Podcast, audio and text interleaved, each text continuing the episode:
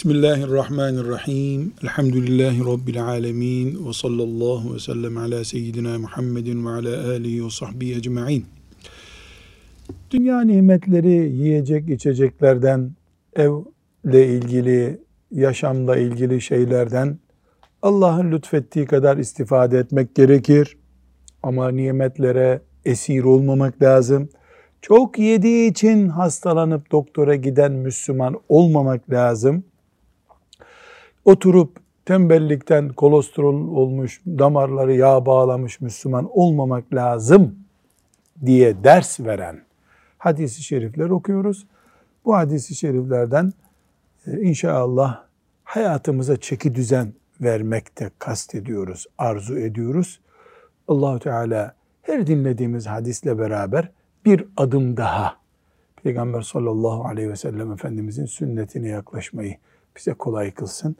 Evet Salih Hafızım. Uzunca bir hadis-i şerif var. Halid İbni Ömer el-Adevi radıyallahu anh'tan. Ee, bu hadisi şerifi dinleyelim. Ee, inşallah da istifademiz tam olur. Evet. Basra emiri olan Utbe İbni Gazvan bize bir konuşma yaptı. Basra emiri ne demek? Basra'da vali demek. Önce Allah'a hamd ve senada bulundu. Sonra sözlerine şöyle devam etti.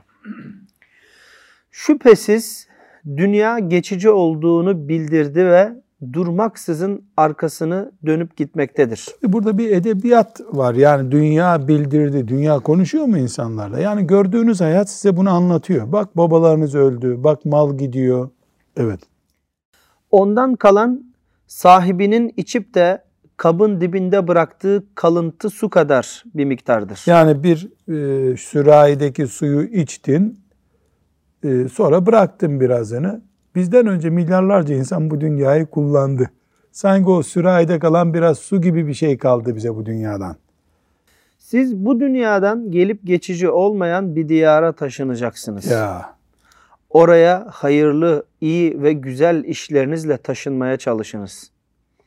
Çünkü bize anlatıldığına göre cehennemin kenarından atılan bir taş 70 sene yol alıp yine de onun dibine ulaşmayacaktır. Ya Allah. Allah'a yemin ederim ki cehennem mutlaka doldurulacaktır.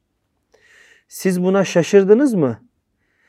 Yine bize anlatıldığına göre cennetin kapılarının iki kanadı arasında 40 senelik mesafe vardır.'' Cennette öyle bir gün gelecek ki yoğunluktan kapısına kadar dolacaktır. Ben Resulullah sallallahu aleyhi ve sellemle birlikte olan yedi kişinin yedincisi olduğumu görmüşümdür. Bizim ağaç yaprağından başka yiyeceğimiz yoktu. Bu yüzden dudaklarımız yara olmuştu. Kim diyor bunu? Bu sahabi Efendimiz sallallahu aleyhi ve sellemle beraber olduk. Ağaç yaprağı yiyorlar. O ağaç yaprağı da bizdeki gibi akasya ağacı değil. Yani yumuşak yapraklı bir şey değil. Çölde büyüyen ağaçlar işte Mekke'de, Medine'de büyüyen ağaçlar. Onu yiyorsun. O dudaklarını yara yapıyor. Yani dudağına değdiği için dikenli yaprak gibi bir şey. Evet.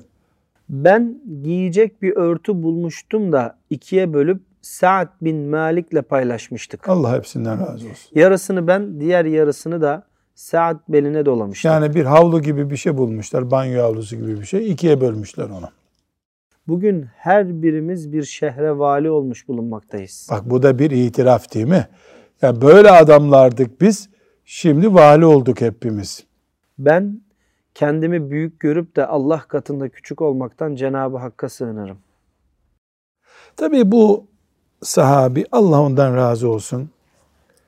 Ee, bize Resulullah sallallahu aleyhi ve sellemin ve ashabının hayatı hakkında bir hatıra naklediyor.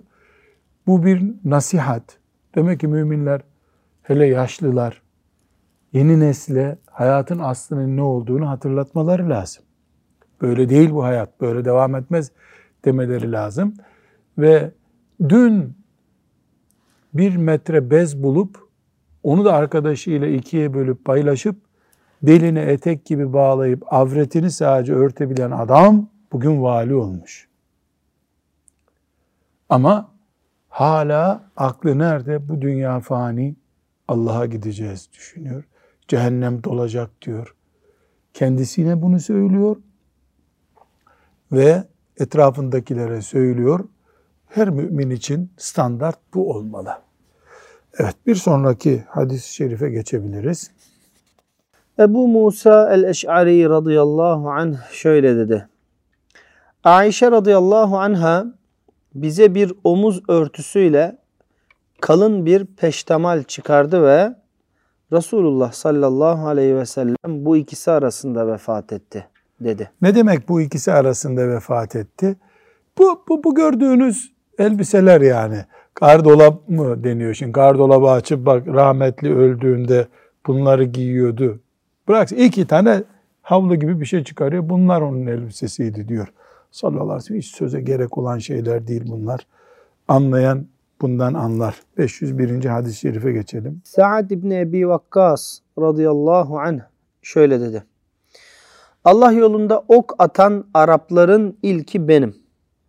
Biz Resulullah sallallahu aleyhi ve sellemle birlikte harp ederdik de şu bildiğiniz huble ve semur ağacı yapraklarından başka yiyeceğimiz olmazdı. Yani bu sokaklarda büyüyen ağaçlar, meyve ağacı değil bunlar. Hatta bu ağaç yapraklarını yediğimiz zaman tıpkı koyunun ki gibi birbirine karışmayacak şekilde abdest bozardık. Ee, Allah Hoca Efendilerden e, razı olsun. Yani bunu çok edepli bir şekilde tercüme etmişler. Şimdi insan e, yağlı yemek yiyince mesela, çok yağlı yemek yiyince büyük abdesti de yağlı geliyor. Fazlasını atıyor vücut dışarı.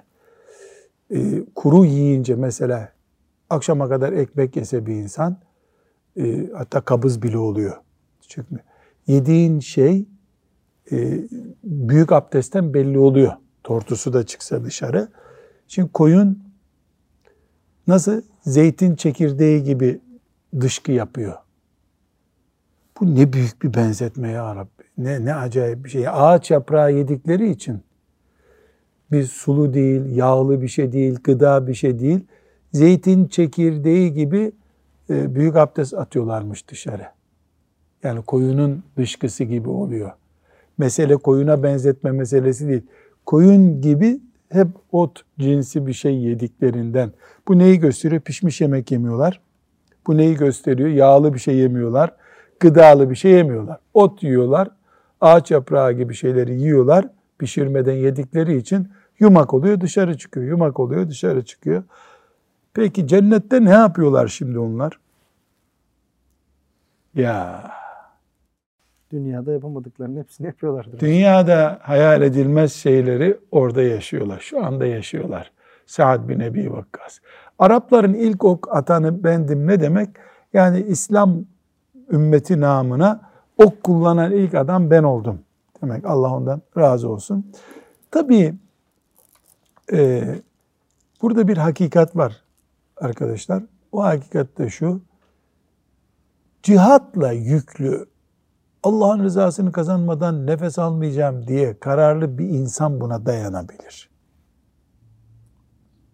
Cihattan başka hiçbir şeyde insanın gözünü nimetlerden geri getirmez. Allah ashab-ı kiramdan razı olsun. Bir sonraki hadisi şerife geçebiliriz. Ebu Hureyre radıyallahu anh'ten rivayet edildiğine göre Resulullah sallallahu aleyhi ve sellem şöyle buyurdu. Allah'ım Muhammed ailesinin rızkını kendilerine yetecek kadar ihsan eyle. Muhammed ailesinin rızkını kendilerine yetecek kadar ver. Yani Efendimiz sallallahu aleyhi ve sellem fakirlik istemiyor. Zenginlik peşinde de koşmuyor. Kanaat istiyor. Kimseye muhtaç olmayacak kadar ver yeter ya Rabbi diyor. Bu dua Efendimiz sallallahu aleyhi ve sellemin kendisi ve ailesi hakkında yaptığı dua. Çok özet bir şekilde diyebiliriz ki Müslüman bana fakirlik ver ya Rabbi demez.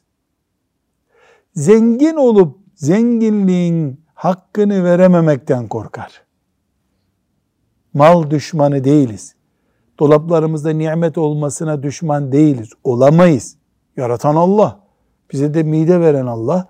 Ama peynirleşmekten, reçelleşmekten korkarız. Yani kayısıdan reçel yapılıyor, şeytan bizden reçel yapar. Olursa ondan korkarız. Rabbim muvaffak etsin. 503. hadisi şerif uzunca onu okuyalım. Ebu Hureyre radıyallahu anh şöyle dedi. Kendisinden başka ilah bulunmayan Allah'a yemin ederim ki Ne demek kendisinden ilah, başka ilah bulunmanı alayı? Vallahi billahi demek istiyor. ben bazen açlıktan karnımı yere dayar, bazen de mideme taş bağlardım. Ne demek? Nasıl oluyor mideye taş bağlamak Talha Hoca? Çünkü insan çok büzüldü mü midesi kamburu çıkıyor. Ayakta duramıyorsun. Bir kemer gibi bir şeyle kuşakla ne yapıyor? Böyle yassı bir taşı koyuyor karnına, karnını dik tutuyor. Yani ev çökmesin diye payanda yapıyorlar ya. Biraz onun gibi. Bir gün sahabilerin geçtikleri yol üzerine oturmuştum. Resulullah sallallahu, Sallallahu aleyhi ve sellem benim yanımdan geçti ve beni görünce gülümsedi. Kalbimden geçeni yüzümden anladı. Ne geçiyor kalbinden? Beni Gel yemek yiyelim. De bir He. götürsün. Ve Ebu Hureyre dedi. Ben buyurunuz ya Resulallah dedim. Resulullah sallallahu aleyhi ve sellem beni takip et buyurdu. Ve yoluna devam etti. Ben de peşinden yürüdüm. Peygamber aleyhisselam evine girdi. Ben de girmek için izin istedim. İzin verdi. içeri girdim. Bir kap içinde süt buldu. Ve bu süt nereden geldi diye sordu. Falan erkek veya falan kadın onu size hediye etti dediler. Yani birisi getirdi ya Resulallah. Bunun üzerine Resulullah sallallahu aleyhi ve sellem Ebu Hureyre diye seslendi. Ben buyurun ya Resulallah dedim. Şimdi burada niye soruyor Efendimiz sallallahu aleyhi ve sellem? Emanet olabilir. Kadın onunla bir yemek yapacak belki. Belki başkasına götürülecek. Her halükarda bu benim evim nasıl olsa demedi. Bu süt nereden dedi. Çünkü sabahleyin yoktu o süt evde. Daha önceki hadislerde gördük ashab sütlerini sağdılar mı Efendimiz'e hediye getiriyorlardı. Suffe ehline git onları bana çağır buyurdu. Suffe ehli kim daha önce konuştuk hadislerde. Bunu Efendimiz sallallahu aleyhi ve sellem'in mescidinin arkasında böyle 100 metrekare belki tam tahminini bilmiyorum bir mekan ağaçlarla kapatılmış bir yer. Ashab-ı kiramın fakirleri ilim öğrenmek için orada kalıyorlardı. Orada bazen 150, bazen 200, bazen 250 sahabi durduğu oluyordu. Ebu Hureyre der ki Suffe ehli İslam konuklarıydı. Onların ne sığınacak aileleri ne malları ne de bir kimseleri vardı. Peygamber aleyhisselama bir sadaka geldiğinde onlara gönderir, kendisi ondan hiçbir şey almazdı. Şayet gelen bir hediye ise onlara da gönderir, kendisi de ondan bir parça alır ve böylece gelen hediyeyi onlarla paylaşırdı. Sadaka niye almıyor Efendimiz sallallahu aleyhi ve sellem? Çünkü peygamberin sadaka yemesi haram.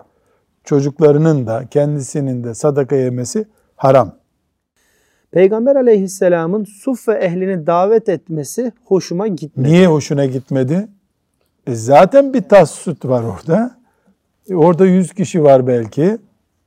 Kendi kendime bu süt Suffe ehli arasında kime yetecek ki?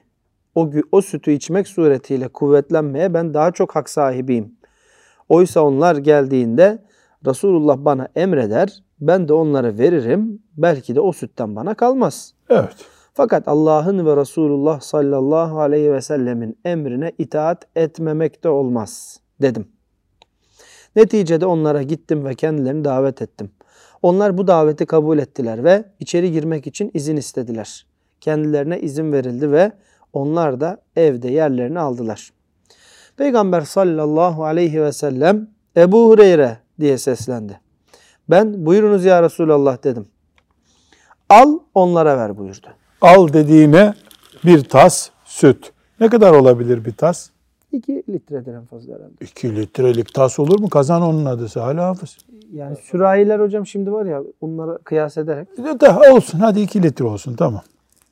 Ben de süt kabını aldım. Herkese vermeye başladım. Verdiğim kişi kanıncaya kadar içiyor, sonra kabı geri veriyor. Ben bir başkasına veriyordum. O da kanıncaya kadar içiyor, sonra geri veriyordu. En sonunda kabı Nebi sallallahu aleyhi ve selleme verdim. Topluluğun hepsi süte kanmışlardı. Süte kanmak, ya bu kanma kelimesi anlaşılmayabilir. Doymuşlardı diyeceğim Ha. hocam. Süte, suya kanmak, süte kanmak aldatıp kanmak manasına değil. Doymak iyice. Arapçası ne bunun? Erva yurvi irvaen. İrva fiiliyle anlatılıyor. İrvaul galil. Evet. Resulullah sallallahu aleyhi ve sellem kabı alıp elinde tuttu ve bana bakıp gülümsedi. Sonra Ebu Hureyre dedi. Ama Ebu Hureyre hala aç değil mi? Buyurunuz ya Resulallah dedim. Bir ben kaldım bir de sen buyurdu. Ne büyük kalanlar. Ah. Evet. Ben doğru söylediniz ya Resulallah dedim. E, otur da iç buyurdular. Ben de oturdum ve içtim. Sonra yine otur iç buyurdu. Yine oturdum ve içtim. Resul-i Ekrem sallallahu aleyhi ve sellem durmadan iç iç buyuruyordu. Sonunda ben hayır seni hak peygamber olarak gönderen Allah'a yemin ederim ki artık içecek yerim kalmadı dedim. Bana ver buyurdu. Kabı Resulullah sallallahu aleyhi ve selleme verdim. Allah Teala'ya hamd etti, besmele çekti ve kalan sütü kendisi içti. Allahu Ekber. Neyle karşı karşıyayız bu hadiste? Mucizeyle. Bir litre sütü 10 kişi, 8 kişi kaç kişiydiler? Doyasıya iç. Ebu Hureyre'ye zaten bir solukta içeceği kadar bir süttü o. Efendimiz sallallahu aleyhi ve sellemin mucizelerinden biri de teksirut taamdır. Yiyecek ve içecekler elinde çoğaldı. Bu bir mucize tabii. Bunu her zaman da yapmadı. Yapsa her sabah tok kalkardı evinden geçerdi. Ama böyle bir şey oldu. Sonra bu hadiste Efendimiz sallallahu aleyhi ve sellemin ashabına nasıl müşfik olduğu, onlara nasıl merhametle davrandığı da görülüyor. Ee, onların e, mesela Ebu Hureyre'nin dikkatini çekmiş, kendisi içeceği zaman besmele çekmiş. Besmele çekiyor, sonra da hamd ediyor.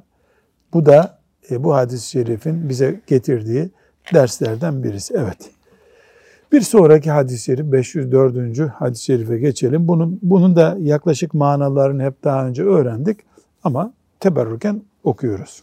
Muhammed İbn Sirin'den nakledildiğine göre Ebu Hureyre radıyallahu anh şöyle dedi. Muhammed İbn Sirin kimdir? Tabiinin ulemalarından.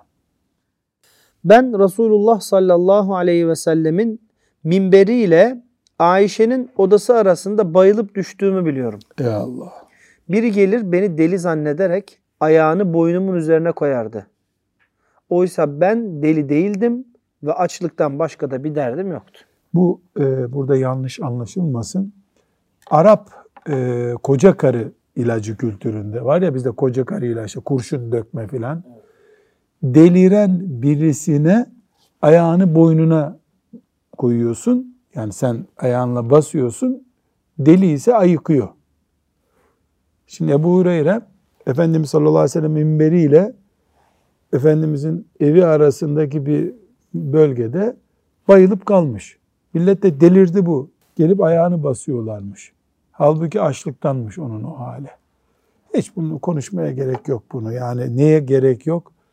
Nasıl anlayacağız? Bizde var mı böyle bir yerde düşüp kalan açlıktan? Evet, tokluktan hastaneye zor yetiştiriliyor. Var gerçi Allah'ın yani öyle fakru zaruretten e, yani ayakta duramayacak kulları da var Allah'ın ama genel olarak dünyada açlık artık yok. Toklukla açlık arasındaki e, galibiyet toklukta kaldı. Tokluk galip şu anda. Evet aç kulları da var allah Teala'nın ama tokluk daha büyük sorun. Devam edelim. Ayşe radıyallahu anha şöyle dedi. Resulullah sallallahu aleyhi ve sellem zırhı 30 ölçek arpa karşılığı bir Yahudinin yanında rehim bulunmaktayken vefat etmiştir. Ya Allah. Buhari ve Müslim'de bu hadis-i şerif. Şimdi zırhı zırhı açıklayalım mı? Zırh çelik yelek. Polisler giyiyor şimdi. Çelik o zaman vardı demek ki. 30 ölçek yani diyelim 30 kilo bir buğday borç almış Efendimiz sallallahu aleyhi ve sellem. Yahudi de rehin istemiş. Rehin ne demek? Getir paramı al bunu demek. Zırh değerli bir şey. Onu vermiş Efendimiz sallallahu aleyhi ve sellem Yahudi'ye rehin olarak vermiş. e, bu gösteriyor ki ümmeti Muhammed'in başı. Dağları senin önüne eriteyim istersen ey Muhammed sözünün muhatabı sallallahu aleyhi ve sellem. Ama e, ashab-ı kiram yani canımız sana feda diyorlar ancak borçla evinin rızkını temin edebiliyor. O günkü devletini nasıl idare ettiğini gösteriyor sallallahu aleyhi ve sellem Efendimiz zühdünden vesairesinden önce hangi şartlarda o devlet kuruldu, yaşatıldı onu görüşüyoruz. Bu hadiste çok önemli bir mesele daha var. Biz Müslüman olmayanlarla, kafirlerle aynı şehirde yaşar bir milletiz. Yani Müslümanlar bir kloni, kafirler bir kloni, birbirlerimizin arasında köprüler var, geçmiyoruz. Böyle bir şey yok. Hiç İslam tarihinde böyle bir şey olmadı. Sadece Medine-i Münevvere ve Mekke-i Mükerreme'nin sınırları var. Kafirlerin orada e, vatandaş gibi kalmalarını allah Teala yasaklamış. Onun dışında kafir bir komşumuz olabilir. Apartmanın bir katında o, bir katında biz oturuyor olabiliriz. Beraber ticaret yapabiliriz. E, yani sosyal ilişkilerimiz olabilir. Helal bir şey yiyorlarsa evlerine yemeğe gidebiliriz. Onları bize çağırabiliriz. Komşuluk ve sosyal ilişkilerde bir yasaklama yok. Onların karşısında zelil duruma düşmekte yasaklık var. Onlar gibi yaşamakta yasaklık var. Kendini koruyamayacaksan, çocukların onlara karşı kompleksi olacaksa, onların haram şeylerinden çocuklar yiyecekse mesafe koyarız. Kavga etmemize gerek bir şey yok. Bu hadis-i şerif bunu gösteriyor. Enes radıyallahu anh şöyle dedi. Nebi sallallahu aleyhi ve sellem arpa karşılığında zırhını rehin bırakmıştı. Ben Nebi sallallahu aleyhi ve selleme bir arpa ekmeği ve erimiş bayat iç yağı götürmüştüm. Onun şöyle buyurduğunu işittim. Muhammed ailesi dokuz ev oldukları halde yanlarında bir ölçek yiyecek bulunmadan sabahlayıp akşamladıkları olur. Ya iç yağ biliyor musun Talha Hocası? Hayvanın işkembesinin etrafında olan yağ özellikle bizim Karadeniz'de yakın zamana kadar kullanılırdı. Kara lahaneye konurdu. Et koksun ev diye. Bir parmak kadar bir şey konur. Hakikaten o kokar. Onun için Karadeniz lahanasını Karadeniz olmayanlar sevmezler iç yağ koktuğu için. Ama iç yağ niye koyuyorlar? Hem yağ vazifesi yapıyor hem et kokuyor. Aldatıyorlar kendilerini yani. Et, etli yedik oluyor. Onu kurban bayramında ne zaman kesiyorlarsa e, hayvanın yağını asıyorsun güneşe. Kuruyor. Onu tuzluyorlar da. Ondan sonra işte yemek, yağ her şey o. Çiçekten, fındıktan, arpadan, her şeyden yağın yapıldığı bir zaman şimdi oldu insanlıkta. Böyle bir e, hal içerisinde Peygamberimiz ve ashabı yaşadılar. Allah onlardan razı olsun. Evet devam edelim. Ebu Hureyre radıyallahu anh şöyle dedi. Ben Suffe ehlinden 70 kişiyi gördüm. Hiçbirinin üzerinde bütün vücudunu örten bir elbise yoktu. Ya bir izarları ya da boyunlarına bağladıkları bir kisaları vardı. İzar nedir? Etek. Bu e, bulaşıkçılar falan bir etek bağlamıyorlar mı? Onun etrafını, bütün vücudunu döndüğünü düşünürsen izarı onun adı.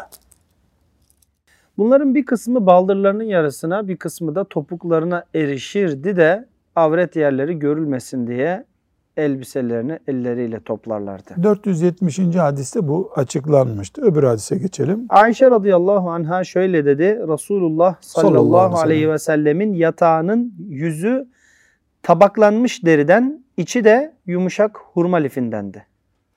Evet, hurma lifi nedir? Ee, bunu size şöyle söyleyeyim. Hurma ağacını gördüyseniz bu e, ağacın yaprakları arasında e, böyle yaprağın kılcallaşmış şekli olur. Nasıl söyleyeyim? Saman gibi. Sert saman gibi olur. Çıtır çıtır ses çıkartıyor. Yani. Yapar. Yani çok yakın zamana kadar Konya minderi diye bir minder vardı mesela. Sert samandan olurdu. Oturdun mu böyle çökmüyor ama minder vazifesi yapıyordu. İç Anadolu yöresinde var. Öyle bir minder. Yani diyebilirim ki üç kişi üstünde otursa ezemezsin onu. Sert tahta değil o kadar. O üstündeki deri ondan daha yumuşaktır. Sallallahu aleyhi ve sellem. Evet. Bunu da geçebiliriz. Halini gösteriyor sallallahu aleyhi ve sellemin. İbn Ömer radıyallahu anhuma şöyle dedi. Biz Resulullah sallallahu, Sallallahu aleyhi ve sellemle oturuyorduk. O sırada ensardan bir kişi gelip kendisine selam verdi. Sonra da geri döndü. Resulullah sallallahu aleyhi ve sellem ey ensardan olan kardeş kardeşim Sa'd bin Ubade nasıl diye sordu. O da iyiye gidiyor cevabını verdi. Bunun üzerine Resulullah sallallahu aleyhi ve sellem sizden kim onu ziyaret edecek buyurarak ayağa kalktı. Biz de 10-15 kişi onunla birlikte kalktık. Ne ayağımızda ayakkabı ve mest ne de başımızda bir giyecek ne de üstümüzde gömlek vardı. Biz bu çorak arazide yürüyorduk. Nihayet Sa'd'ın yanına geldik. Resulullah sallallahu aleyhi ve sellem ve beraberindeki arkadaşlarının yaklaşması için kavmi onun etrafından geri çekildiler. Kavmi etrafından çekildiler ne demek? Yani onu böyle kuşatmış bakıyorlardı. Çekildiler. Yeni gelen misafirler onu ziyaret ettiler. Burada tabii e, Efendimiz sallallahu aleyhi ve sellemin ashabının hasta ziyaretine gidiyorlar. Ayakkabı yok ayaklarında. Güneşli bir yerde yürüyorlar. Kafalarında takke yok. Ya Rabbi bunu nasıl bu yeni nesil anlayacak Talha Hoca? Nasıl anlayacak yeni nesil bunu? Yani o herhalde film için böyle yaptılar zannedilir. Onlar filmden başka bir yerde olmaz ya bu. Efendimizin tevaduğunu görüyoruz. Hasta sahabileri nasıl merak edip ilgilendiğini görüyoruz. Ashab-ı kiramın da böyle şeyleri takmadan yaşadıklarını görüyoruz. Hepsi bu mübarek hadisi şerifte aynı anda karşımıza çıkıyor. Devam edelim. İmran İbni Husayn radıyallahu anhuma'dan rivayet edildiğine göre Nebi sallallahu aleyhi ve sellem şöyle buyurdu. Sizin hayırlılarınız benim zamanımda yaşayanlarınızdır. Sonra zamanımda yaşayanlara yakın olanlar, sonra da onlara yakın olanlardır. İmran der ki, Nebi sallallahu aleyhi ve sellemin sonra onlara yakın olanlardır sözünü iki defa mı veya üç defa mı söylediğini bilemiyorum. Resulullah sallallahu aleyhi ve sellem sözüne şöyle devam etti. Onlardan sonra öyle bir topluluk gelir ki kendilerinden şahitlik istenmediği halde şahitlik yaparlar. Hıyanet ederler de kendilerine güvenilmez. Bir adakta bulunurlar fakat yerine getirmezler. Onlarda şişmanlık baş gösterir. Bu hadis zor hadis-i şerif. Çok iyi notlar almak lazım Talha Hocam. Bu hadisi şerif başla sonu gösteriyor. Yani dinimizin başındaki o büyük adamlarla bizim aramızdaki ayrıntıları gösteriyor. Şimdi bir, Efendimiz sallallahu aleyhi ve sellem ilk üç nesil en değerlidir diyor. Bu birinci kural. Ashab-ı kiram. Allah onlardan razı olsun. Tabi'in yani onlardan sonra gelen Allah dostları. Tebe'ut tabi'in onlardan sonra gelen. Bir, iki, üç. Bu üç neslin dengi biri yok bu dünyada. Bu üç nesil çok değerli. Peki ne de değerli? Bir, Allah'ı ve peygamberi anlamakta. Çok değerliler. Mız mız etmediler argo ifadesiyle. Ama şey demediler. Peki, peki, peki. Lebbeyk, lebbeyk, lebbeykten başka bir cümleleri olmadı. Onlar da günah işlediler. Ama ardından hemen tövbeyi yetiştirdiler. Bir, peygamberi ve Allah'ı anlamakta bir numaralar. İki, yöntem olarak felsefesiz bir Müslümanlık yaşadılar. Felsefesiz Müslümanlık. Filan teoriyle Kur'an'ı hiç karşılaştırmadılar. Sade. Bir Allah var, bir peygamber var aleyhissalatü vesselam konuşuyor. Bir de önlerinde bir cennet var, oraya doğru yürüyorlar. Filan anlayışa göre, şuna göre, buna göre. Salih ara sıra konuşuyoruz, burada da konuşalım. Mesela biz talebelerimize e, akide konularını anlatıyoruz değil mi? E, mesela İmam Hatipler'de okutuluyor, Kur'an kurslarında okutuluyor. Mesela Diyanet'in Kur'an kurslarında e, bu Hasan Hoca'nın 33 sene okuttuğu e, müfredat kitabı var. Hakikaten çok güzel bir kitap. Yani o kadar özet olabilir. Derli toplu, böyle ihtilafa gerek olmayacak. Güzel. Çok ben o kitabı çok beğeniyorum. Fakat şöyle bir sorun var. Ömer bin Hattab radıyallahu anh o kitaptan imtihana alınsa,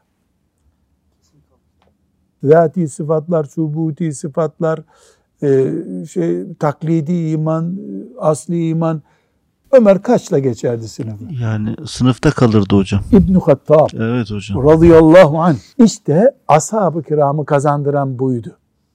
Allah var, peygamber var. Önlerinde de bir cennet var. Acaba hangi teoriye göre, hangi alime göre, bunun sonucu ne, ön arkası ne, mukaddimatı ne, müteahhiratı ne, böyle şeyler yok.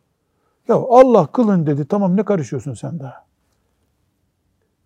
Mesela bunun müthiş örneği kıbleteyn hikayesidir değil mi? Bu tarafa namaz kılıyorlar. Biri geliyor diyor ki hey millet peygamberin kıblesi değişti tam ters taraf oldu diyor. Dönüyorlar bu tarafa kılıyorlar. Yapabilir miyiz bunu biz? Deli misin lan kıble değişir mi? Değil. Kardeşi yalan söylemez buna güveniyor. Niye değişti bu kıble diye sorgulamaya gerek yok. Oraya kıl dedi. Şimdi buraya kıl diyor. Çünkü bir Allah biliyor, bir peygamber biliyor, felsefe sıfır. Sıfır. Felsefe sıfır. Mantık yok, felsefe yok. Allah var onun yerinde. Peygamber var sallallahu aleyhi ve sellem. Daha sonra o sebeple bu sebeple yani yanlış manada değil. O sebeple bu sebeple felsefe girdi, mantık girdi, hesap girdi. Allah ondan sonra işte Ömer bin Hattab sınıfta kalır oldu. Bunun için ashab-ı kiram üç şeyden dolayı bir numaralı nesil. Birincisi anlayışlarında bir sorun yoktu. İkincisi yöntemlerinde sorun yoktu. Üçüncüsü de zühd yaşadılar. Yani dünya onları esir edemedi kendine. Ali bin Ebi Talib radıyallahu anh'ın sözünü hep hatırlıyoruz. Müthiş bir söz. Ey dünya seni üç talakla boşadım uzak dur benden diyor. Bah be. Kafa bu olunca da dünya bir gün gelip kulaklarından, gözlerinden giremedi. Bu hadisi şerifimizden yani 510. hadisten çıkan en derin mana bu. İki, demek ki söz verip, adak yapıp bir e, ahitte bulunan onu yerine getirecek. Getirmezsen Peygamber sallallahu aleyhi ve sellem Efendimiz bunu ne kabul ediyor? Ee, gelecek zamanın sorumlu Müslümanı kabul ediyor seni. Bir başka meselemiz şahitlik. Şahitlik yüklü bir iş, ağır bir iş ve şahitlik farzı kifaye bir iştir. Yani bir Müslüman bir trafik kazası oldu, onu gördü, gidip anlatmalı. Ama aranmıyor. Şahide gerek yok. Her şeye burnunu sokuyor. Bunu her şeye burnunu sokan adam da ashab-ı kiram kafalı adam değil demektir. Çünkü Müslüman dertten uzak durmalı. Farz-ı kifaye haline gelince gidip ben bu olayı gördüm. Bu adam kırmızı ışıkta durmamıştı demeli. Bu farz-ı kifaye. Ama durup dururken ya şahit arayan yok mu? Allah için şahitlik yapılır, her türlü şahitlik yapılır dedin mi? ümmeti Muhammed'de emanet ruhunda suistimal işaretleri gelmiş olur. Bu bir sıkıntı. Bu hadiste bir başka bugünkü nesille o günkü nesil arasındaki farkı gösteren bir şey daha var. Şişmanlık artar diyor. Biraz önce okuduğumuz hadiste Sa'd bin Ebi Vakkas radıyallahu anh ne diyordu? Koyun çekirdeği gibi büyük abdest bozuyorduk diyor.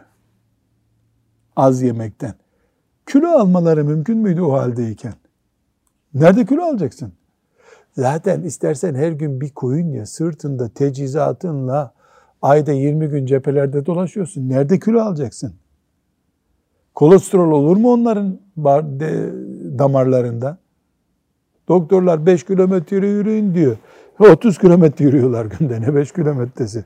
Akşam rahat bir uyusalar bari.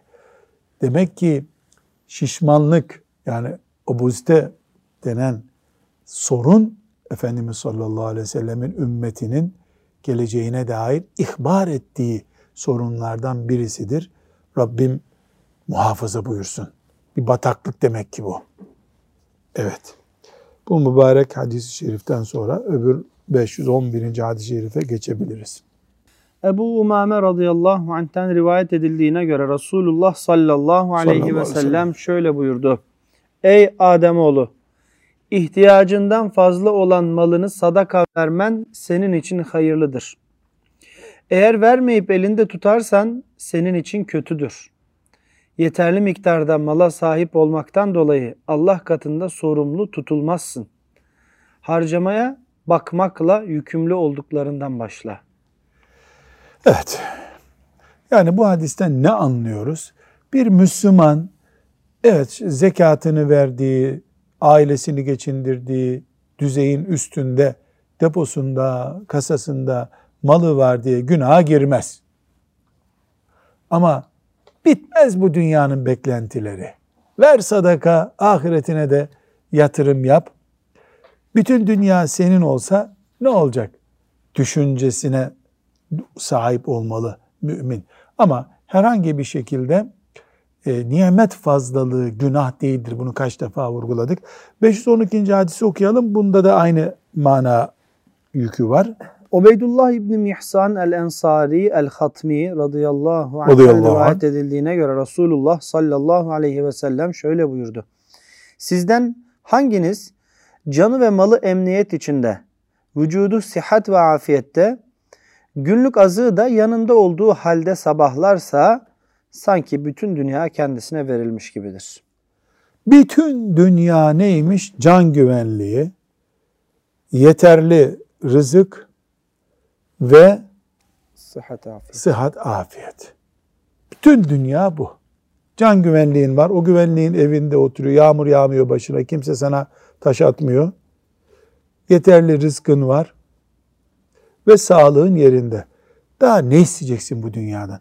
bundan fazlasını istiyorsa insan kaşınıyor demektir. Kaşınıyor. Ne kaşınıyor? Şeytana gel beni kına.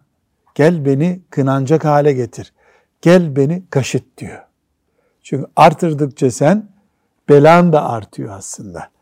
Nimetlerin kıymetini bilmek Müslümanlık gereği demek ki. Ama ben burada bir şeyi hatırlatmakta fayda buluyorum.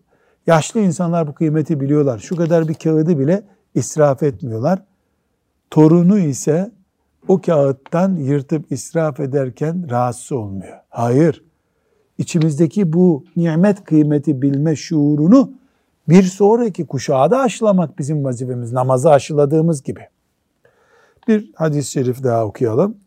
Abdullah İbni Amr İbni As radıyallahu anhuma rivayet ediyor. Resulullah sallallahu aleyhi ve sellem şöyle buyurdu. Müslüman olan, kendisine yeteri kadar rızık verilen, Allah'ın kendisine verdiği nimete kanaat eden kimse şüphesiz kurtuluşa ermiştir. Evet, rızkı o Müslüman. Rızkı var ve kanaat ediyor. Kanaatkar. Kurtulmuş bu adam. Peki buradan şu mana çıkmıyor mu? Nasıl bir delikanlıya kızımızı verelim? Müslüman mı? Kanaatkar mı? İyi bir standart bu. Kimi işe alalım? Müslüman mı? Rızık temin etme kapasitesi var mı? Ve kanaatkar mı? Bir sonraki hadiste aynı manada Salih Hafız onu da okum. Ebu Muhammed Fadale İbni Ubeyd el-Ensari radıyallahu anh'ten rivayet edildiğine göre Resulullah sallallahu aleyhi ve sellem şöyle buyurdu. İslam'ın dost doğru yoluna ulaştırılan ve geçimi yeterli olup da buna kanaat eden kimse ne kadar mutludur. Evet. Aynı manada. Yani İslam'ın dost doğru yoluna ulaşmışım. Bir sonrakinde aynı hadis-i şerif var. İbn Abbas radıyallahu anhuma şöyle dedi. Resulullah sallallahu aleyhi ve sellem yemek yemek sizin peş peşe birkaç gün aç olarak gecelerdi. Ailesi de yiyecek akşam yemeği bulamazdı. Çoğu zaman ekmekleri arpa ekmeğiydi. Bunu bir daha okuyalım. Söze gerek bırakmıyor bu. Resulullah sallallahu aleyhi ve sellem Sallallahu yemek yemek sizin peş peşe birkaç gün aç olarak gecelerdi. Resulullah sallallahu aleyhi ve sellem yemek yemeden peş peşe birkaç gece geçiriyorlardı. Ailesi de yiyecek akşam yemeği bulamazdı. Çoğu zaman ekmekleri arpa ekmeğiydi. Allahümme salli ala Muhammedin ve ala ali Muhammed. Velhamdülillahi Rabbil alemin.